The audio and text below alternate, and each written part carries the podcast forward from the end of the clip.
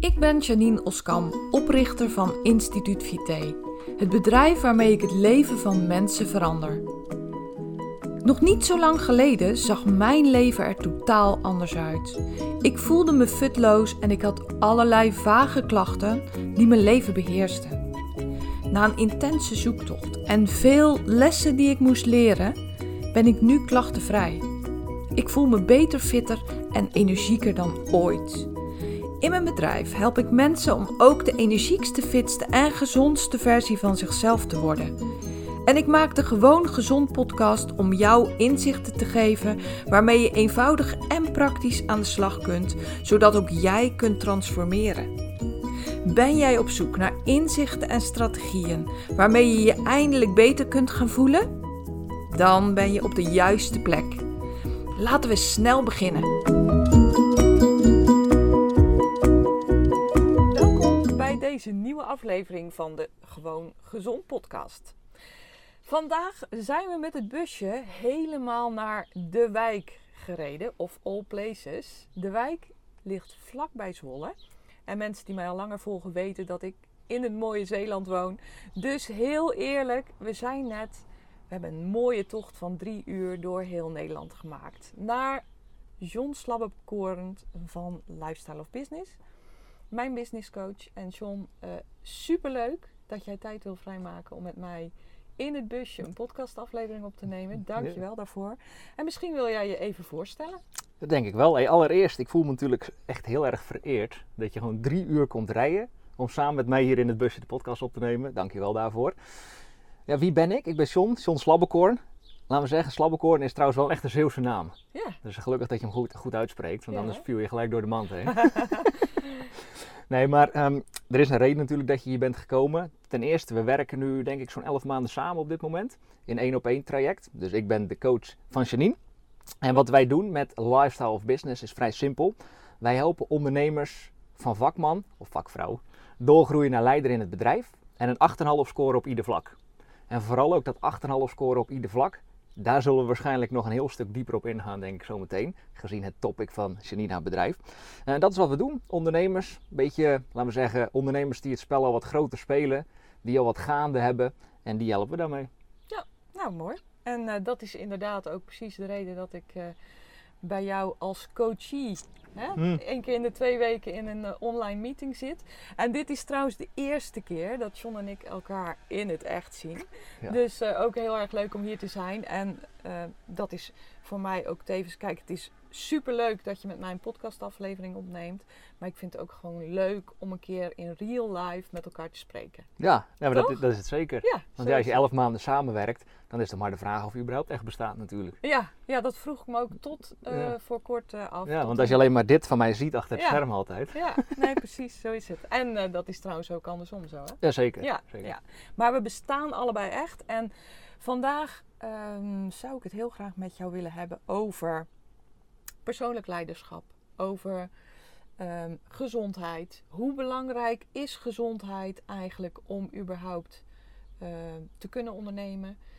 Wat heb je nodig om een goede ondernemer te kunnen zijn? Nou, kortom, ik denk dat we er ook wel een weekje van zouden kunnen maken. Ja, ja, zeker. Maar we gaan het eh, trachten te stoppen in, eh, in een klein uurtje, een ruim half uurtje. Ja, dat is, dat is Dus- een half verschil trouwens. Maar... Dat is, dat is een heel verschil, maar goed, ik ken je ondertussen ook al wel.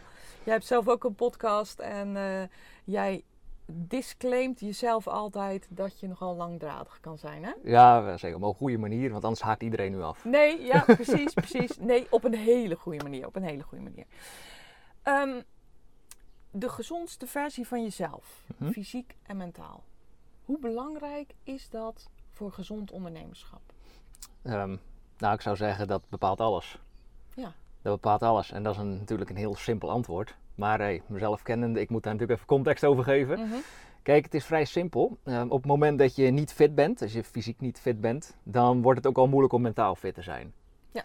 Dus wat ik daar zelf aan doe, is ik ga vier keer, nou inmiddels drie keer, we hebben sinds zes weken hebben een klein kind, verandert de zaak iets, Ja. kan ik je vertellen. Eh, drie keer in de week zelf naar de sportschool en twee keer in de week train ik hier in mijn eigen home gym in de wijk.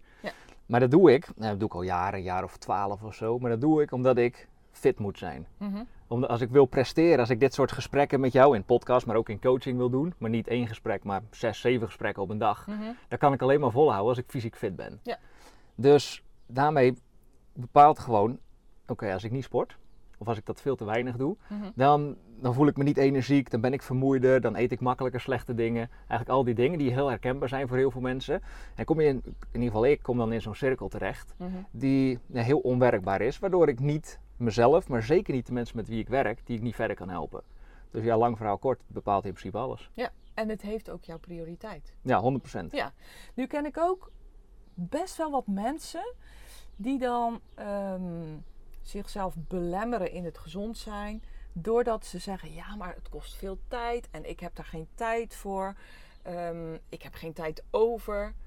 Hoe kijk jij daar tegenaan? Want jij hebt dus een behoorlijk volle agenda. Jij hebt genoeg te doen, zoals ik dat dan altijd zeg. Mm, ja. En toch maak jij tijd vrij voor dat fysieke stuk en voor dat mentale stuk wat daaraan vasthangt. Ja. ja, dat is, tenminste, ik vind het vrij logisch. Maar wat je zegt, voor heel veel mensen is dat niet logisch. Kijk, het werkt zo. Vanuit ons brein zijn wij geprogrammeerd, en dat is heel menselijk, om vooral comfortabel te zijn. Mhm, Om vooral alles te houden bij wat het nu is. mhm. Ja, en op het moment dat jij ergens een keer hebt besloten, in het verleden, ja, ik ben nou eenmaal iemand die niet heel veel sport, ik heb het heel erg druk, ik doe dit soort dingen allemaal niet. Ja, dan zou je ook niet heel veel redenen gaan zien, tenzij er aanleiding voor is, daar Mhm. zometeen meer over. Maar als daar niet een echte aanleiding voor is, ja, dan zullen mensen het ook niet belangrijk maken. Nee. Kijk, voor mij is er niet een, echt een directe aanleiding. Het is niet als ik nu niet sport dat ik volgende week dood ben of zo. Nee. Dat is niet hoe het werkt. Nee. Alleen, vrij rigoureus misschien, Dat, maar is, dat is maar wel duidelijk, Ja. toch? Ja. Alleen, ehm, maar ik maak het dus belangrijk genoeg. Ja. Omdat ik ook weet, als ik het niet doe, wat ik net vertelde, ben ik niet fit genoeg. Ja.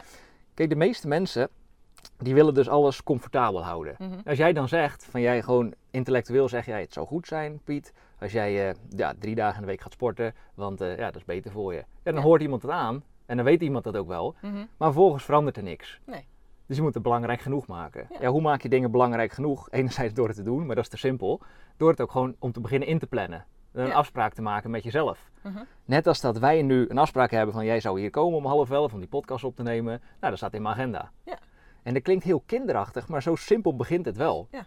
Als jij dus weet, hé, hey, ja, het zal toch wel goed zijn om te sporten. Laat maar eens klein beginnen. Niet gelijk zes keer per week of zo als een bodybuilder. Laat Nee. maar eens één keer per week beginnen. Oké, dinsdagochtend 11 uur heb ik tijd. Die zet ik in mijn agenda als zijnde een afspraak met mezelf. Ja. Maar zo simpel begint het wel. Is ook zo. En als je eh, dat niet nakomt, ja, dan heb je een heel andere discussie. En dan zou een stukje coaching zou wellicht goed zijn. Mhm. Maar ja, dan heb je een integriteitsprobleem met jezelf. Op het moment dat jij iemand bent die überhaupt ook afspraken niet nakomt met anderen, ja, dan is de kans ook klein dat je het met jezelf doet. Maar de meeste mensen kunnen wel een afspraak met anderen nakomen, Mhm. Maar niet met zichzelf. Nou, dat is dan een stukje training. Maar dat is het, me- het meest simpele antwoord voor nu. Ook al heb je een hele drukke agenda, ook al denk je geen tijd te hebben, je zal het belangrijk moeten maken en begin gewoon met een afspraak maken met jezelf. Ja, dus geef er de prioriteit aan eigenlijk. Exact, exact dat. Want het mooie is, we hebben allemaal 24 uur in een dag. Dat is heel eerlijk geregeld. Ja. En het is dus maar net waar je de voorrang aan geeft. Dus Ja. prioriteit aan geeft. Ja, en, en één ding dat ik hier nog wel over kan toevoegen, dat is een mooie, om het in perspectief te zetten. Een kwartier op een dag is grofweg 1%. Mhm. En dat, dat doet op zich niet zoveel, maar als je beseft, hé, een kwartier is 1%, Mhm. dan weet je ook, oké, op het moment dat ik mijn eigen leven 1% wil gaan verbeteren, ehm, dan hoef ik eigenlijk maar een kwartier wat te gaan doen. Ja. En dat is slechts 1%. Dus als je nu dit luistert en je denkt, goh, ja, ik heb eigenlijk best wel moeite om ehm, te gaan sporten, want ja, ik heb er geen tijd voor. Nou, onthoud dan, een- 1% is maar een kwartier. Wat kan ik doen om mijn, Ja. mijn dag, mijn leven 1% te verbeteren? Oh, dat is maar een kwartier. Ja, 1%, dat is makkelijk, dat is maar een kwartier. Nou, Zo makkelijk is het, ja, hè? nou, dan ga ik een kwartier lopen. Dan heb je je leven 1% verbeterd. Nou, het is wel heel mooi dat je dat zegt. Want ik heb met mezelf ook een afspraak dat ik ehm, elke dag wandel. En met kruimel. Dus dat maakt het wel makkelijk, hè? Want dat beestje moet nu eenmaal. Maar ik moet ook Hm. uitgelaten worden. Dus. Maar ik ga ook drie keer per week sporten. Als, dat, als het me echt niet uitkomt om naar de gym te gaan, naar de, naar de sportschool, dan pak ik dus een matje of een kleedje of iets en doe ik gewoon wat oefeningen op de grond. Niks makkelijker Hm. dan dat. Dus als je alle verhalen aan de kant zet, die uitspraak heb ik van jou, hè, Mhm. dan is het gewoon zo simpel als het is. En Ja. ik doe dat dan Want dat, vaak weet ik mijn dag wel van tevoren. Ik doe dat dan s'morgens als ik eh, eh, net voor ik onder de douche stap. Dan denk ik, nou even een kwartiertje grondoefeningen doen. En zo simpel is het. Ja. En het kost je nauwelijks iets van je tijd. Want heel vaak, zo gaat het dan bij mij, heel eerlijk hè, ben ik nu. Ga ik dan wat in, in de hogere versnelling met douchen aankleden. En, eh, dus het kost je eigenlijk geen tijd. Nee. Zo simpel is het. En dat is het. En, en één ding wat ik hier nog aan kan toevoegen, dat is zo'n mooie metafoor, gebruik ik vaak ook in coaching. Kijk, wij mensen zijn geneigd om dingen heel groot te maken. Want als je het heel groot maakt, ja, dan kan je er eigenlijk niet meer mee aan de slag gaan. En dat is voor het brein heel fijn, want dan kan je alles houden bij het oude. Mhm. Totdat je het klein gaat maken, dus bijvoorbeeld die 1%. Maar de metafoor die ik vaak gebruik is, ja, een, een olifant eet je ook niet in één keer op. Nee. Want dat gaat niet lukken. Dat gaat niet lukken. Buiten dat een olifant misschien helemaal niet zo heel lekker is, gaat dat ook niet lukken. Nee. Dus eh, waar, waar begin je? Ja, je begint met een stukje van de slurf. En misschien dan de staart en een stukje van de voet. Het lijkt me allemaal niet eten. Maar ja, het is wel, de metafoor is heel duidelijk. Het, Hapje begint met, het begint met hele kleine stapjes, hele kleine hapjes. Ja.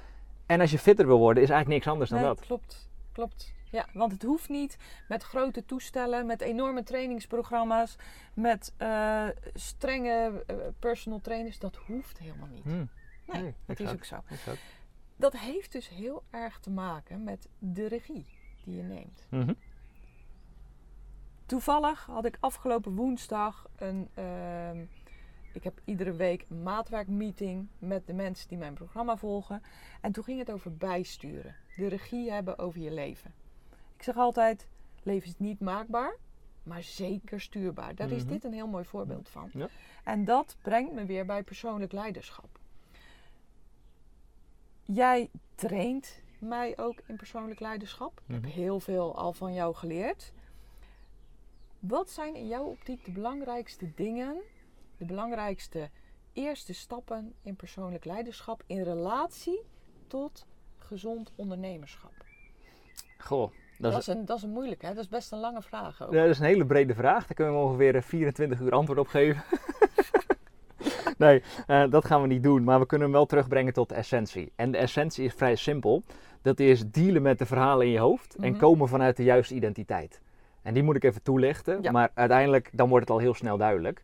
We hebben dus allemaal zoiets als een stemmetje in ons hoofd. Mhm. Ook wel het reptiele brein genoemd, een interne werelddialoog, een conversatie met jezelf. Ik noem het de krokodil. Oké, Ja. dat is ook goed. De krokodil voor jouw volgers. We hebben het hier over de krokodil. Ja. En linksom of rechtsom worden wij altijd de hele dag gerund door die krokodil, door die stem in ons hoofd. Zeker. Dat is ook precies die stem die jou zegt, goh, ja, het zou nou wel goed zijn. Janine heeft het nou al duizend keer gezegd, als ik eens even wat ga sporten. En als ik ook wat meer op mijn voeding ga letten. Dat zou echt wel goed zijn om te doen, ja. ja. Morgen ga ik dat doen. En dan is het morgen en dan, nou, het is nu niet handig. Het is ook bijna vakantie en zo. Nee, we doen het na de vakantie. Oh, ja. En dan is het na de vakantie en ja, weet je, we doen even door tot de kerst. En dan is het kerst en dan, ja, nee, we doen door tot, tot eh, 1 januari. Dat is beter. Dat is een mooie datum. Ja, ja, maar, Ja. maar zo gaat het. Ja. En dat is, je wordt gerund door die krokodil, door die stem in je hoofd. Dus je zal dat moeten gaan opmerken, daar begint het bij. Je zal daar bewust van moeten worden. Zeker. Laten we zeggen, denk mijn ervaring is 80%, nou wel meer denk ik, 90% van de mensen is hier zich niet eens bewust van. Nee. Die worden heel de dag door heen en weer gegooid door hun eigen krokodil, Mhm. zonder dat ze daar besef van hebben. En het, en het vervelende daaraan is, zij denken dus, zij denken dat ze die stem in hun hoofd zijn. Zij Ja. denken dat ze de gedachten zijn. Nou, als je dit nu luistert of kijkt en dit is de eerste keer dat je het hoort, dan kan je ook niet meer terug. Nu weet je, je hebt dus zoiets als die verhalen in je hoofd, die krokodil, die stemmen zijn er helemaal. Je bent niet die gedachte, je hebt die gedachten. Ja.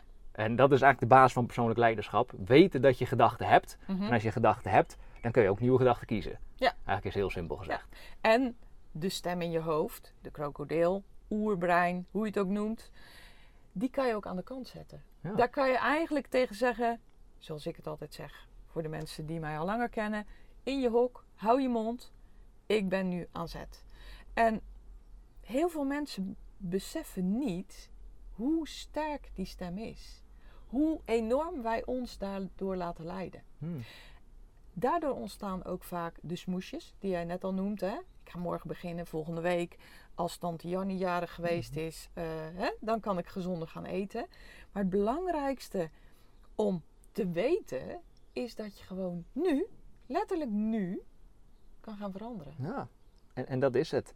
En dat is de basis van de basis. Daar begint het mee. Ja. En daarnaast, het stukje, alleen dit topic kunnen we trouwens nog heel lang over spreken, Zeker. maar dat gaan we nu niet doen. Nee. Ehm, om, om puur even de basis van persoonlijk leiderschap uiteen te zetten. Dat is een stukje identiteit. De positie waar je van uitkomt, of heel simpel gezegd, dan snappen mensen het heel snel, de pet die je opzet in elke situatie, de rol die Ja. je aanneemt. Ja. Dus je weet inmiddels, oké, ik ben niet mijn gedachte, ik heb gedachten, dus dat kan je sturen. Mhm. En dat is een beetje hetzelfde als ja, heel veel mensen verklaren van ik ben nou eenmaal iemand die te dik is. Ik ben nou eenmaal een roker. Ik ben nou eenmaal iemand die eh, niet sport. Ik ben nou eenmaal iemand die dit en dat. Hoor ik ook heel ja, vaak. exact zo. Ja. Dat is echt verschrikkelijk. Ja. Ja, dat is een, een statement naar jezelf, een positie waar je van uitkomt. En waarom is dat verschrikkelijk? Kan je dat eens even toelichten? Sorry dat ik je Ja, nee, maar maar is- dat, dat- is een hele interessante Ja, maar dat is ook een, dat is een hele goede vraag. Eh, het is verschrikkelijk omdat het je namelijk ook houdt op de plek waar je nu staat. Het brengt je niks verder. Niet verder, hè? En dat houdt je in die cirkel. Ja. en op het moment dat je eruit wil, of dat nou is in sport, in voeding, in business, in relaties, in whatever, dan zou je moeten beseffen dat je nogmaals die stem in je hoofd hebt, maar dat je ook je positie waar je vanuit komt, je interne positie, dat je die kan shiften. Ja. En ik heb één voorbeeld, en dat is een, een pijnlijk voorbeeld, maar dat is een voorbeeld die ik de laatste tijd vaker gebruik om, Mhm. het, om het uiteen te zetten. En dat is op het moment van opnemen, de, twee maanden geleden is mijn schoonmoeder overleden. Mhm. En die was ernstig ziek. En eh, zes weken geleden is mevrouw Jeanette bevallen van onze eerste zoon, Jason. Dan zie je al, dat heeft elkaar dus overlapt. De vijf weken lang was Jeanette, haar moeder, heel ernstig ziek. Nou, En Ja. echt heel ziek. Maar Jeanette was 35 weken, 36, zo liep dat op. Tot uiteindelijk dat de crematie was. Toen was ze 38 of 38,5 weken mhm. zwanger. Nou, En dan kan je afvragen, wat heeft het ermee te maken? Dat heeft hier alles mee te maken. De reden dat ik hier nu zo over kan spreken, de reden dat wij ehm, dat goed hebben kunnen, nou, laten we zeggen, goed mee hebben kunnen dealen, Mhm. voor zover zo, voor zover daarmee te dealen valt, exact. hè? Ja. Maar dat wij gewoon die gesprekken konden blijven voeren, dat wij gewoon de business konden doordraaien. Dat heeft alles te maken met het aan de kant kunnen zetten van die stem, maar vooral het kunnen shiften van die identiteit. Dus elke situatie die, petten, die nieuwe pet opzetten. En als je dat terugbrengt naar de context eigenlijk van dit interview ook met sporten, met voeding. Kijk, ik heb heel vaak, en dat klinkt gek, want ik sport al jarenlang, Mhm. maar ik heb heel vaak geen zin. Nee. Dan moet ik weer naar de, of moet, maar dan wil ik weer naar de gym en dan, is het, dan komt er weer dat stemmetje. Ah, je bent ook al een paar keer geweest van de week. Het hoeft nu ook niet. Moet Niet kijken hoe, je, moet kijken hoe je eruit ziet, Ja. joh. Je ziet er hartstikke goed uit. Weet Je dat soort, fit. ja, hè? weet je, dat soort gekkigheid. Ja. ja. En dan, dat is, dat is op zich allemaal wel waar. En ja, het is niet wie ik ben en het is ook niet wie je kiest te zijn. Nee. Op dat moment kan ik erin meegaan en dat is wat de meeste mensen doen. Oh ja, nee, dat is wel waar, het klopt inderdaad. Ja, vandaag ben ik ook niet echt een sporter of zo. En Mhm. vervolgens gaan ze gewoon op de bank zitten, Netflix of whatever. Ja. En niet dat dat je nou een slecht mens maakt, maar het is vaak niet zo goed werkbaar. Nee, wel nee. De- En- het gaat niet over goed of slecht mens, hè? Nee, nee, Nee, helemaal, helemaal niet. En dat zeg ik regelmatig, want mensen die voelen zich vrij snel aangevallen als je dit soort dingen zegt. Want ze leven in hun hoofd. Ze gaan mee met die gesprekken met Ja. zichzelf. Ja.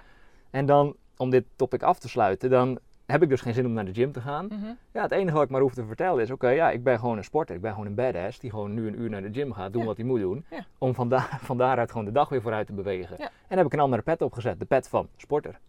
Plus dat jij gewoon heel duidelijk die afspraak met jezelf hebt staan, hè?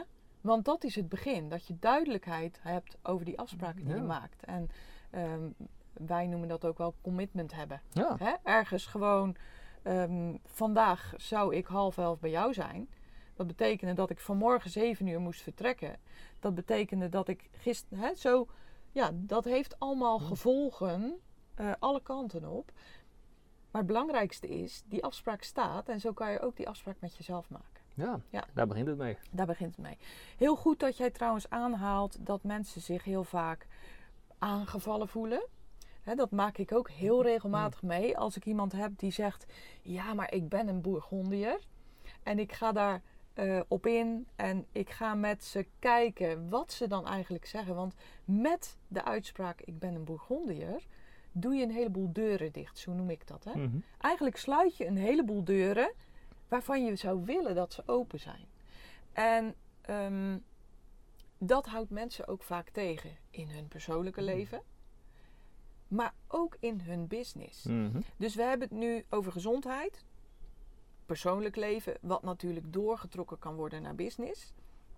Maar wat zie jij dat mensen in hun business doen, wat hun tegenhoudt, wat niets met die gezondheid op het eerste gezicht te maken heeft? Hoe bedoel je dat exact?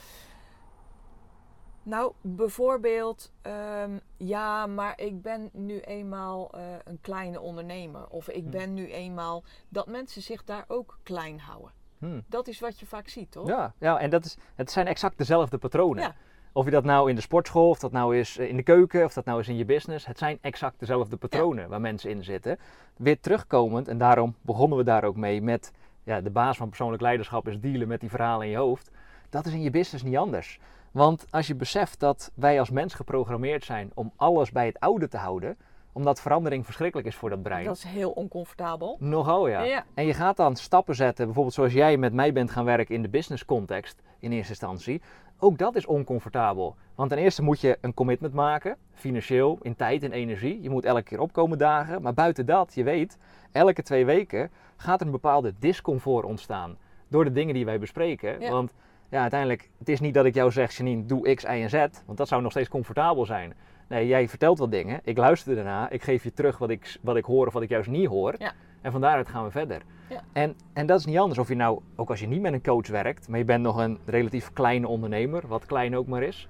Ja, vaak ben je nog niet veel verder gekomen dan je nu bent, omdat je met die verhalen meeleeft. Oh ja, nee, als ik die mensen moet gaan bellen eh, om ze een verzoek te doen, ja, dat is, wie ben ik nou eigenlijk? Dat is niet het juiste moment. Ik moet eerst nog een training gaan volgen, want eh, dat is beter, dan heb ik meer competenties. Ja, en dan, dan ga ik er wel eens een keer doen. Ja. En, maar dat is net als met voeding en dat is net als met sport. Allemaal Absoluut. goed klinkende redenen en excuses, verhalen Ja. om de dingen maar niet te hoeven doen. Waarom? Omdat je gaat veranderen. Als je die stappen zet, ga je veranderen. Nou, wat wil ons brein nou niet? Dat je gaat veranderen. Die wil, zeg maar, de John in dit geval of de Janine houden wie je denkt te zijn op dat moment. Ja, en waar je nu bent, dat is lekker comfortabel. Exact. Hè? Ja. Nou, het is mooi dat je dat zegt, want ehm, sowieso vertel je hiermee ook waarom het nodig is voor, nou, misschien wel iedereen, om een coach te hebben. Want die ziet namelijk wat je zelf niet ziet. Ja. Jij wijst mij op dingen die ik eigenlijk diep in mijn hart weet als jij het me vertelt. Hmm. Of als je, het, als je me een vraag stelt, want zo doe je dat vaak. Hmm. Maar toch laat jij mij zien wat ik zelf niet zie of wat ik zelf niet wil zien. Ja, vooral Dus- de laatste, ja. Ja, maar waar je ook niet bewust van bent, hè? Dat, dat is het. Ja. Nou, dat doe ik exact hetzelfde bij de mensen die ik help. En wat ook mooi is wat je zegt, is ik eh, geef bijvoorbeeld mensen een voedingsplan. Dat is de eerste stap, eh, daar begin ik mee. Ik start met bloedonderzoek, met een uitgebreid gesprek met iemand. En aan de hand daarvan geef ik een persoonlijk voedingsplan. Nou, dat is allemaal hartstikke mooi en prachtig. Exciting ook, hè? Mhm, want mhm. eh, nou, het voelt supergoed. Maar wat ik vervolgens regelmatig zie, is dat mensen dat in de kast zetten, misschien wel ophangen, onder hun kussen leggen, maar er niet mee gaan doen Mhm. wat ze zouden moeten doen. Ja. En dat is natuurlijk ook weer dat brein, dat reptiele brein, die krokodil, ja. die tegen jou zegt: ja, maar volgende week. Want dat komt beter uit. Ja. Of hè, dat is exact eh, wat er gebeurt. ja. Het tweede is, eigenlijk weten we al heel erg veel. Dat is ook altijd wat jij tegen mij zegt. Hè? Als je alles wat je zou weten in de praktijk brengt, nou, dan zouden hier twee supermensen zitten. Ja, maar dan zou de wereld er ook heel anders Dan uit zou de wereld er heel anders uitzien. Nou, Ja.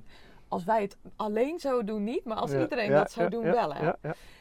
Ook dat is exact waarom ik jou mij laat helpen en waarom mensen op hun beurt mij weer eh, vragen om hun te helpen. Omdat je namelijk die hulp keihard nodig hebt om een volgende stap te kunnen zetten. Ja, en dat, de kleine nuance. Het is niet, kijk, ik heb zelf al vijf jaar, hebben wij doorlopend coaching. Mhm. Het is niet dat wij het meer per se echt nodig hebben, maar wel dat we heel goed kunnen gebruiken. Mhm. En dat is het. Sommige mensen die in het begin bij ons komen, die hebben het ook al echt nodig. Maar het is veel krachtiger om vanuit de positie te komen dat je iemand niet echt, echt nodig hebt, maar dat je iemand wel heel goed kan gebruiken. Ehm, en dat is denk ik in jouw geval ook in het begin, als iemand veel te zwaar is of echt moeite heeft om überhaupt in actie te komen, ja, dan hebben ze je ook wel nodig. Want Mhm. ja, feitelijk gezien zijn ze misschien 15 jaar eerder dood. En dan ben je een half jaar met iemand werk en dan weten ze eigenlijk alles. Dan hebben ze jou niet meer per se nodig, maar dan is er weer een dieper level. Ja. En dan kunnen ze je heel goed gebruiken. ja, klopt, klopt. Ik heb trouwens al een, een eh, minuut of vijf een enorm verhaal in mijn hoofd eh, draaien. Mijn krokodil die staat echt eh stuiteren. En dat is? Weet je wat ik bedoel of niet? Misschien wel, ja. Mijn blaadje is omhoog gewaaid. ik heb een spiekbriefje hangen. En met een windvlaag is die omhoog gewaaid. Dus ik doe hem even naar beneden. Kijk, oh, mijn krokodil ook weer rustig. Dan gaat hij weer. Hij gaat zo weer. Even kijken. Nou, er staan een aantal dingen op, een aantal puntjes op waar ik af en toe naar kijk. Je ziet me ook af en toe kijken. En eigenlijk hebben we al best wel eh, behoorlijk wat eh, eh, topics gehad. Maar waar ik het met jou ook nog heel graag over zou willen hebben is... Heel vaak zeggen mensen tegen mij, ja, ehm, ik zou heel graag willen dat. Nou, dan is een van mijn uitspraken, joh, maar het is heel simpel. Je moet het gewoon gaan doen. Mhm. Waarom is het zo belangrijk dat je eigenlijk niet te vaak dat willen en wensen en dromen gebruikt? Maar waarom is het belangrijk dat je het eigenlijk je lijstje kort houdt en gewoon gaat doen? Hoe kijk Nee. jij daar tegenaan? Ja, kijk, enerzijds, eh, het is een vrij zwakke positie om vanuit te komen. Dit is nooit een populaire uitspraak, maar goed, ik ben er ook niet voor om heel populair te zijn. Maar wat jij zegt, willen, wensen, dromen, hopen, whatever je er allemaal voor termen aan kan geven, dat is heel comfortabel. Ja. Want op, op het moment dat je vooral aan het uitspreken bent, goh ja, ik zou nog eens een keer naar Hawaii willen. Ik zou nog wel eens een keer een sixpack willen hebben. Ik zou nog wel eens een keer miljonair willen zijn. Ja, dat klinkt allemaal heel goed. Het is er sowieso nog niet. Maar ja, dat suggereert wel dat je er nog mee bezig gaat Mhm. om het te bereiken. Mhm. Waardoor je die, die verhalen in stand kan houden. Eigenlijk om te blijven doen wat je nu doet. Want ja, kijk, ik zou het wel willen en ik doe het wel een beetje, maar, het is er nog niet. Maar het komt nog. het woordje maar, Ja, hè? ja, ex- Ja. exact, exact. En op het moment dat je dat eigenlijk heel nou, plat gaat slaan. Ten eerste kom je er dan achter dat je het nog niet hebt. Dat is al confronterend. Mhm. Ja, en dan zou je het daadwerkelijk moeten gaan doen. Ja, en dan komen alles wat we al hebben besproken, dan komen al die verhalen weer in alle hevigheid terug. Ja. En die gaan ervoor zorgen dat je over het algemeen niet in actie komt. Tenzij je met iemand werkt zoals ik of met jou om dat wel te gaan doen. Ja. Over het algemeen ga je dat uit jezelf niet doen. Anders Nee. had je het al heel lang gedaan namelijk. Klopt. Dus ja, willen, hopen, wensen, dromen doet, vrij, doet gewoon vrij weinig. Ja, buiten dat het heel lekker is om het gesprek te voeren met jezelf. Ja, ja, ja. Want eh, ik moest even lachen toen ik hiermee begon eh, met deze uitspraak. En waarom, dat ga ik je nu uitleggen. En dat ga ik jou ook even uitleggen. Mensen die met mij werken zullen dit herkennen. Op het moment dat zij het woordje hopen, hè, want heel vaak in een gesprek die ik met Hmm. mijn cliënten voer, komt dat naar voren. Ik hoop dat. En zij weten al, mensen die wat langer met me werken, dan zeggen ze: Oh nee, nee, nee, nee, ik, ik ga het doen. Of ik ga het proberen. Dat is ook zo'n woordje. Ja. Ja, dat ga ik proberen. En dan zeg ik, nou, proberen kan je beter niet doen, want daar heb je niks aan. Ga het gewoon doen. Daarom moest ik lachen. Want daarin hoor ik ook mezelf, zeg Mm. maar. Want dan denk ik, oh ja, dat zijn echt van die woorden die... Heb jij dat ook? Dat als iemand dat uitspreekt, dat je dat hoort? Ja, tuurlijk. Ja, dat is ook het hele idee van coaching, om Ja. dat te luisteren. Ja. En ik merk dat ik het heel af en toe zelf ook nog wel eens doe. Ja, ja. Om dat soort woorden te gebruiken. Wa- maar waarom doen we dat nou? Ja, want dat... Laat ik één voorbeeld geven. Dat gaat over mijn eigen coaching. Wij zaten in december en ik zeg, joh, luister, we zijn voornemens om onze coaching weer door te boeken. Mhm. Het woordje voornemens, dat besefte ik toen niet de eerste keer, maar dat is ook zo'n zwak woord. Dat, is net, helemaal nee, niks. dat is net als hopen, proberen, whatever allemaal. Ja, of misschien. Ja, het is slechts één woordje. Ja. Want als ik zeg, joh, stuur de factuur maar, want we gaan nog weer een jaar door met de coaching. Ja, dat is 100% klaar. Daar kan Ja. niks meer tussen komen. Ja. Maar dat is gelijk het probleem, want dat is super eng, dat is super spannend, want dan moet het gebeuren, dan kan je ook niet meer terugtrekken. Nee. En dit soort kleine woordjes, dat, dat lijkt muggenzifterij, maar dit zorgt ervoor dat je jezelf weer uit kan kletsen. Ja, en dat is waar wij als mensen echt een ster in zijn. Je gewoon er weer uitkletsen. Ja, ja dat klopt. En ehm, nou, ik, ik ken ook iemand die heel vaak deze woorden gebruikt. En tegenwoordig hoor ik dat zoveel harder dan dat ik dat vroeger Hmm. hoorde. Die, die komen er echt uit, hè, Ja. die woorden. Maar oké. Hmm.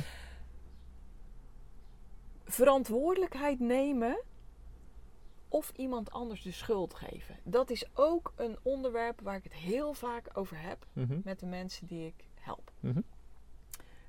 Hoe kijk jij daar tegenaan? Heel veel mensen zeggen: Ja, ehm, ik heb die roze koek opgegeten, want eh, mijn moeder was op bezoek en ja, toen moest ik er ook wel in nemen. Of nee, wat nog heel veel vaker voorkomt: ik was bij mijn moeder op bezoek en die had speciaal voor mij roze koeken gekocht. Toen kon ik het echt niet laten staan. Mhm. kijk jij daarnaar? Ja, lekker. Gewoon eh, zeker blijven doen. Nee, maar je weet heel goed wat ik bedoel. Op dat moment geven ze de verantwoordelijkheid aan die moeder. Want Ja. die heeft die koek voor mij gekocht. Dus ja, ik kan er niks aan doen. Nee, maar tuurlijk. Kijk, wij willen, en dat is ook eh, vanuit het brein, dat is machtig interessant. Er zijn heel veel dingen die je kan uitdiepen rondom het brein. Mhm. Daar ontstaat dit allemaal aan. Wij willen er altijd goed uitzien. Ja. Naar onszelf en naar anderen. Zeker. En daarom is het veel fijner om de schuld buiten je te leggen. Want Mhm. ja, anders zie je er zelf niet goed uit. Mhm. En dan vinden mensen er wat van, inclusief jezelf. Vooral jezelf op zo'n moment. Ja. Hè? Ja. En- En dat is het. Dus je wilt die pijn dan niet ervaren van, goh, ja, nee, ik heb die koek in mijn mond gestoken. Ja, nu ben ik niet afgevallen. Ja, lekker. Dat had ik beter niet kunnen doen of zo. Ja, dat, dat zal nog een soort van constructieve conversatie kunnen zijn als je er daadwerkelijk wat mee doet. Ja. Alleen ja, dat is pijnlijk, want dan zie je er slecht uit naar jezelf toe. Dan is het dus veel fijner om te zeggen, ja, nee, ik, eh, ja, ik was bij mijn moeder, ja, en die had van die lekkere koeken gekocht. Ja, en die zei, ah, neem er eentje, joh, want dat, eh, dat is toch niet erg. Eén keertje kan wel. Ja, één keertje kon inderdaad ook wel. Ja, wat is nou eigenlijk één keer? En vervolgens, ja, dat- die ene keer, dat wordt honderd keer. En dat, dat maakt dat niemand resultaat bereikt. Ja, ja. ja, en dat is, kijk, het buiten jezelf leggen, ja, dat maakt je per direct gewoon heel zwak. Want uiteindelijk, buiten jezelf kan je niks creëren. Nee. En dat is ook wel wat ik enorm van jou heb geleerd. Ehm, het is juist heel erg fijn, niet comfortabel, maar fijn, want het is sterk, om de oorzaak bij jezelf te, te vinden. Hm. Want dat maakt dat je de regie hebt om er wat aan te doen. Ja, kijk, uiteindelijk, hè, dat is een uitspraak, een beetje vanuit stoïcisme zou je bijna kunnen zeggen. Ook de- on- onder andere de baas van het werk wat we doen. Je hebt zoiets als controleerbare factoren en oncontroleerbare externe Zeker. factoren. Zeker. De meeste mensen leven vooral extern. Mhm. Want dat is heel fijn, het gewoon buiten jezelf neerleggen. Dus die hebben zo'n cirkel, Stephen Covey in de ze- zeven eigenschappen van effectief leiderschap spreekt, schrijft daar zo mooi over. Je hebt de cirkel van invloed en je hebt de cirkel van betrokkenheid. Dat is exact hetzelfde. Ja, ja. De meeste mensen, hun cirkel van invloed is ongeveer dit. En de cirkel van betrokkenheid is ongeveer dit. Heel fijn, gewoon alles lekker buiten jezelf leggen. Ja. Maar hoe meer je die cirkel van invloed gaat uitbreiden, dus hoe meer je vanuit je, ja, je eigen zelf daarin gaat leven, ja, hoe meer risico's je gaat nemen, hoe meer mensen er wat van kunnen vinden. Maar hoe meer je ook kan bereiken in dit leven. Precies. En uiteindelijk gaat het daarom. Steeds meer besef, oh ja, die controleerbare factoren. Nou, dat is eigenlijk alles waar ik zelf eh, dus vanzelfsprekend controle over heb. Nou, Mhm. dat is eigenlijk in principe zo'n beetje alles. Behalve mijn schoonmoeder die ziek werd. Ja, daar heb ik geen controle op. Nee. Dus er zijn altijd factoren extern. Ja. Maar ook dan kan je wel weer de regie nemen, de verantwoordelijkheid nemen, hoe je daarmee omgaat. Precies. En dat is het. Exact, want dat is ook wat ik bedoel met het leven is niet maakbaar, maar wel stuurbaar. Exact. Hè? En ehm, jij tipt daar ook een hele belangrijke aan die weet ik voor heel veel mensen pittig is. Jouw schoonmoeder is overleden. Dat is een hele verschrikkelijke gebeurtenis. Maar vervolgens kan je zelf kiezen, hè, en kan Jeannette, jouw vrouw, kiezen hoe ze daarmee omgaat. En dat wil niet zeggen, want dat is het misverstand wat ik vaak proef bij mensen. Dat wil niet zeggen dat je geen verdriet- hebt, Hm. toch? Nee, dat klopt. Kijk, Nee. we zijn geen robots en wij hebben ook die precies. emoties. Ja, maar het is wel zo dat je bijvoorbeeld ook kunt kiezen om te beseffen wat je van haar hebt meegekregen, wat zij je heeft gebracht, wat de periode van ziekte jullie heeft gebracht. Wat, hè, want eh, eh, wellicht heeft het een heel mooi contact opgeleverd eh, wat je anders, anders had beleefd.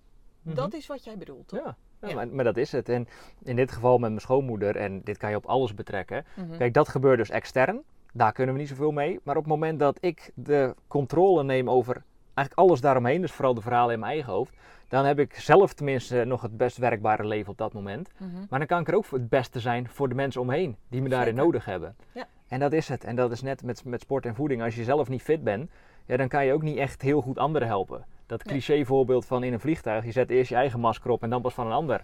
Ja, zo simpel werkt het. Zo simpel is het. Ja, nou toevallig had ik op weg hierheen met Rien een gesprek over eh, inderdaad ja, regie nemen. Waar gaat het over? Ik ga het uitleggen. Ik heb het wel eens dat ik s'nachts wakker word en dat mijn hoofd aangaat. Zo noem ik dat. Mhm. Zo poink. En dat is dan natuurlijk niet om 7 uur s morgens. Dat is dan om 2 uur of om 3 uur. Vervolgens gaat dat hoofd aan. Krijg ik het heel moeilijk uit. Nou, Uiteindelijk is dat niet eens interessant. Dat is wel interessant, want dat is iets wat ik wil veranderen. Mhm. Ik kan daar heel erg over gaan klagen. Ik kan er zelfs een sessie met jou aan wijden. Ik kan Rien er elke dag eh, mee belasten. Ik kan het tegen iedereen vertellen die het maar horen wil. Maar dat verandert de situatie niet. Mhm. Wat heb ik gedaan? Want je weet namelijk van tevoren ook niet wat nodig is. Je weet Mhm. niet wat nodig is om het te veranderen als je eraan begint. Soms niet. Soms niet. Nou, in dit geval niet.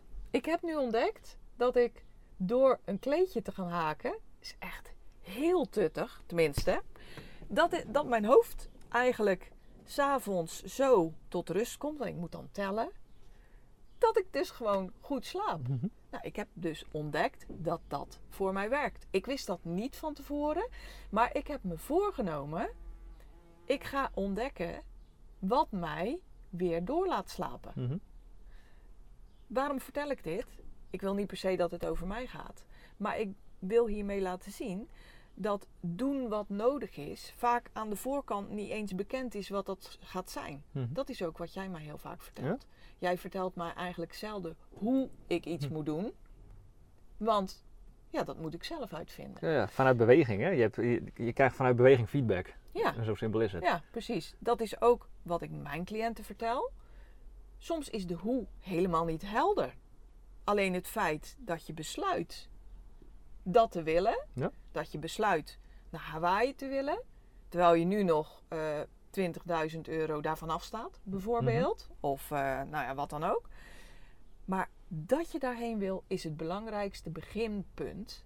Kijk waar je nu staat. Ik lag wakker van 2 tot 4, zeer regelmatig. Mhm. Ik baalde daarvan, ik wilde dat veranderen. Ik wilde na een nacht gewoon weer normaal doorslapen. Mhm. Dan ga je terugkijken, wat is daarvoor nodig? Je gaat eh, trial and error doen, uitproberen, op je kop staan, eh, drie rondjes hardlopen voor, en een kleedje haken. En dat was hem. Hm. Ja. Wat heeft dit te maken met verantwoordelijkheid nemen in jouw optiek? Ehm, nou, daar ga ik zo antwoord op geven. Maar wat hier in dit voorbeeld interessant is, ga ik gelijk even een soort van coachvraag stellen.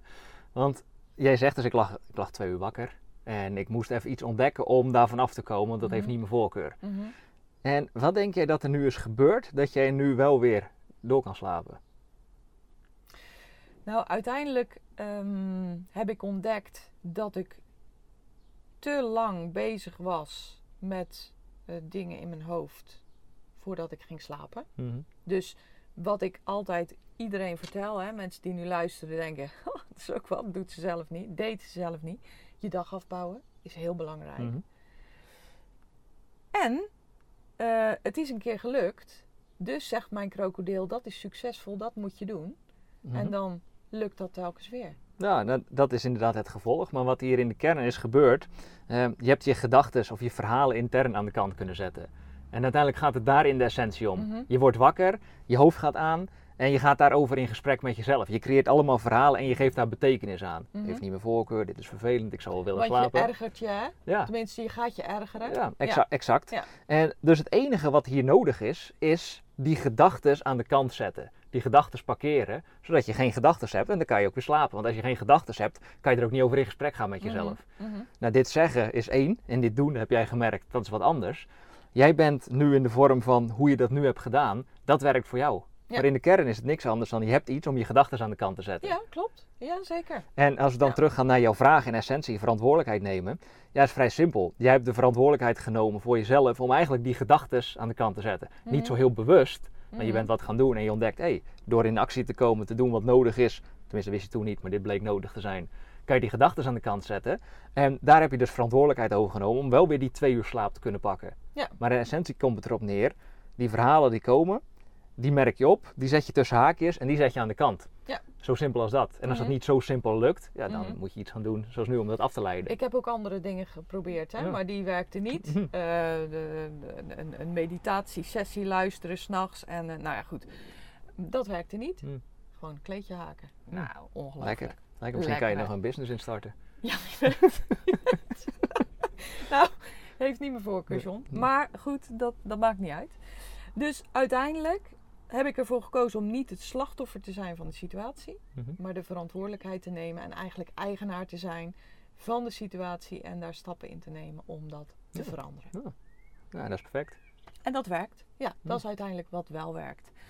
Dus hoe kijk je aan in de bredere zin tegen verantwoordelijkheid nemen? Ja, dus eh, je zou het bijna kunnen zeggen, verantwoordelijkheid nemen is een soort van superpower. Op Mhm. het moment dat je iemand bent, identiteit, dus iemand bent die gewoon altijd verantwoordelijkheid neemt, ja, dan heb je, dan gaan we terug naar die cirkel van invloed. Die cirkel van invloed wordt daardoor heel erg groot. Klopt. En daardoor krijg je eigenlijk misschien wel alles wat je wil gecreëerd in het leven. Misschien niet allemaal zoals je het hebt bedacht, Mhm. maar dan vind je wel een andere weg. Dat Mhm. lukt dus alleen als je verantwoordelijkheid neemt. Dus ja, hoe ik er tegenaan kijk, ja, neem altijd verantwoordelijkheid in elke situatie. En het is interessant wat je nu zegt. Mooi ook dat je dat nu zegt. Want er zullen mensen zijn die dit arrogant vinden. Mhm. Dat, ik merk ook wel eens in gesprekken dat mensen dat eh, arrogant vinden als ik zeg: je leven is wat dat betreft dus best wel maakbaar.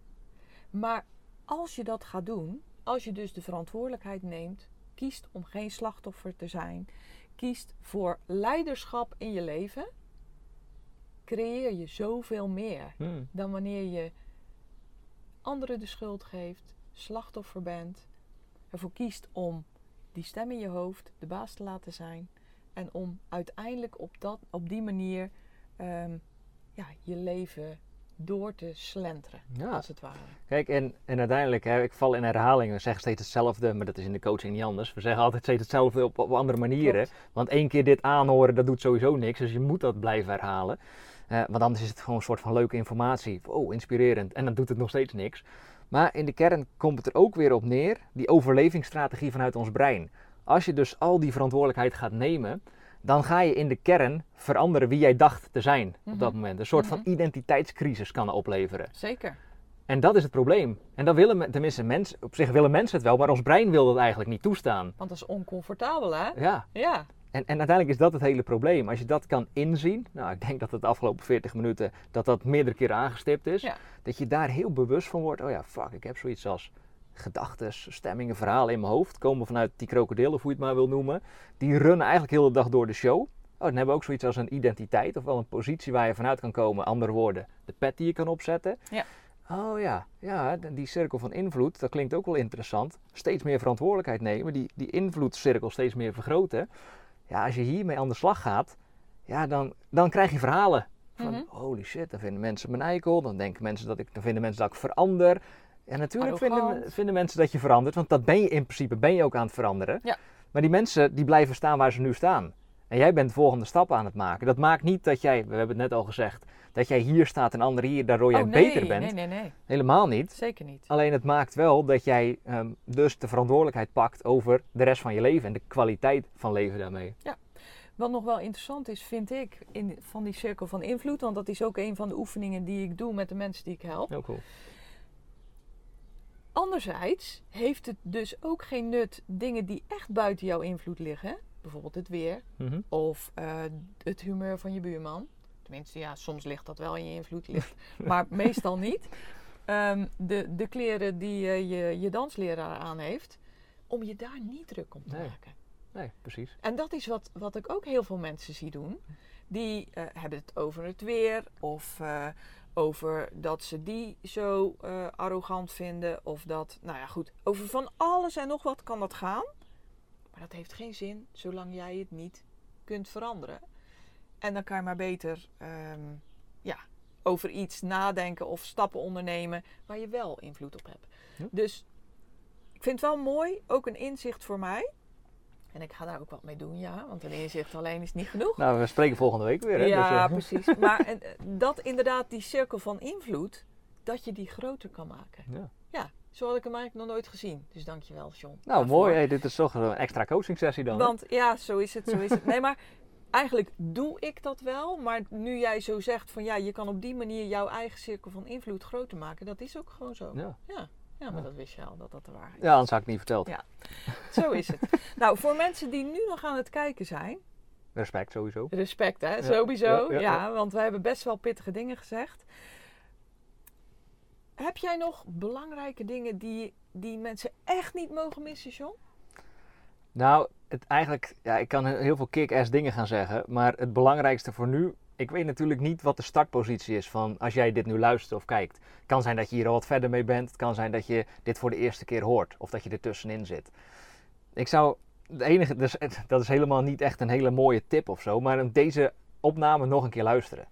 Deze opname nog een keer luisteren. Gewoon twee of drie keer. Want er zit best wel veel goede informatie in, anders zou het ook niet gedeeld. Maar alleen dit kan het hele spel al voor je veranderen. Mhm. Dat je meer bewust gaat worden van die stem. Dat je, dat je ook weet van, oh ja, ik kan mezelf steeds in een andere positie plaatsen. Ja, dat klinkt wel logisch. Ik vind het nog wel heel moeilijk. Ga dan nog eens een keer één of twee keer dit luisteren. En daarna zou ik zeggen, ehm, neem contact op met Janine, want die kan je daar heel veel verder mee helpen. Maar dat is, dit is nooit heel sexy als ik dit soort dingen vertel. Want de meeste mensen willen gewoon alleen maar nieuwe dingen. Dat ik nu zeg, oh ga die podcast luisteren of ga dat programma volgen. Ja, dat is meer en meer van hetzelfde. De winnende strategie die je eigenlijk hier hebt gebracht en niet veel verder. Dus ja, dat is eigenlijk het belangrijkste wat ik erover kan zeggen. Kracht van herhaling. De sleutel zit hem in dingen herhalen. Ja, over en over. Zeker waar. Heb ik het ook heel vaak over met de mensen die ik eh, in mijn programma's help. Het is allemaal niet spannend. Heel veel dingen weet je al. Sommige dingen zijn ook best confronterend. Wellicht als je dit voor de eerste keer hoort, denk je, waar gaat dit over? Ik weet van mezelf dat bepaalde dingen die wij hier hebben gedeeld, dat dat een paar keer heeft geduurd voordat bij mij het kwartje echt viel. Ja. En dan is het heel vaak zo dat als ik met jou bijvoorbeeld spreek, dat er alsnog een kwartje valt van iets wat ik misschien al wel honderd keer heb gehoord. Ja. Of dat je op een dieper level komt, of wat dan ook. Dus een hele goede tip. Dankjewel daarvoor, John. Sowieso, nogmaals dank dat je tijd wilde vrijmaken. Graag gedaan, voor, geen eh, probleem. deze mooie podcastaflevering in mijn busje. Als je denkt, weet je, dit zou mij zoveel verder kunnen helpen. Ga dan naar janineoskamp.nl slash gesprek. Daar kan je een gratis sessie met mij boeken rechtstreeks in mijn agenda. En wij gaan dan samen spreken over wat voor jou een mooie eerste stap zou zijn om daar te komen waar jij heel graag wil zijn. Ik wil je bedanken voor het kijken en of voor het luisteren voor de mensen die deze alleen als podcast luisteren. Ik wens je zoals altijd een super mooie, fijne dag en heel graag tot een volgende keer.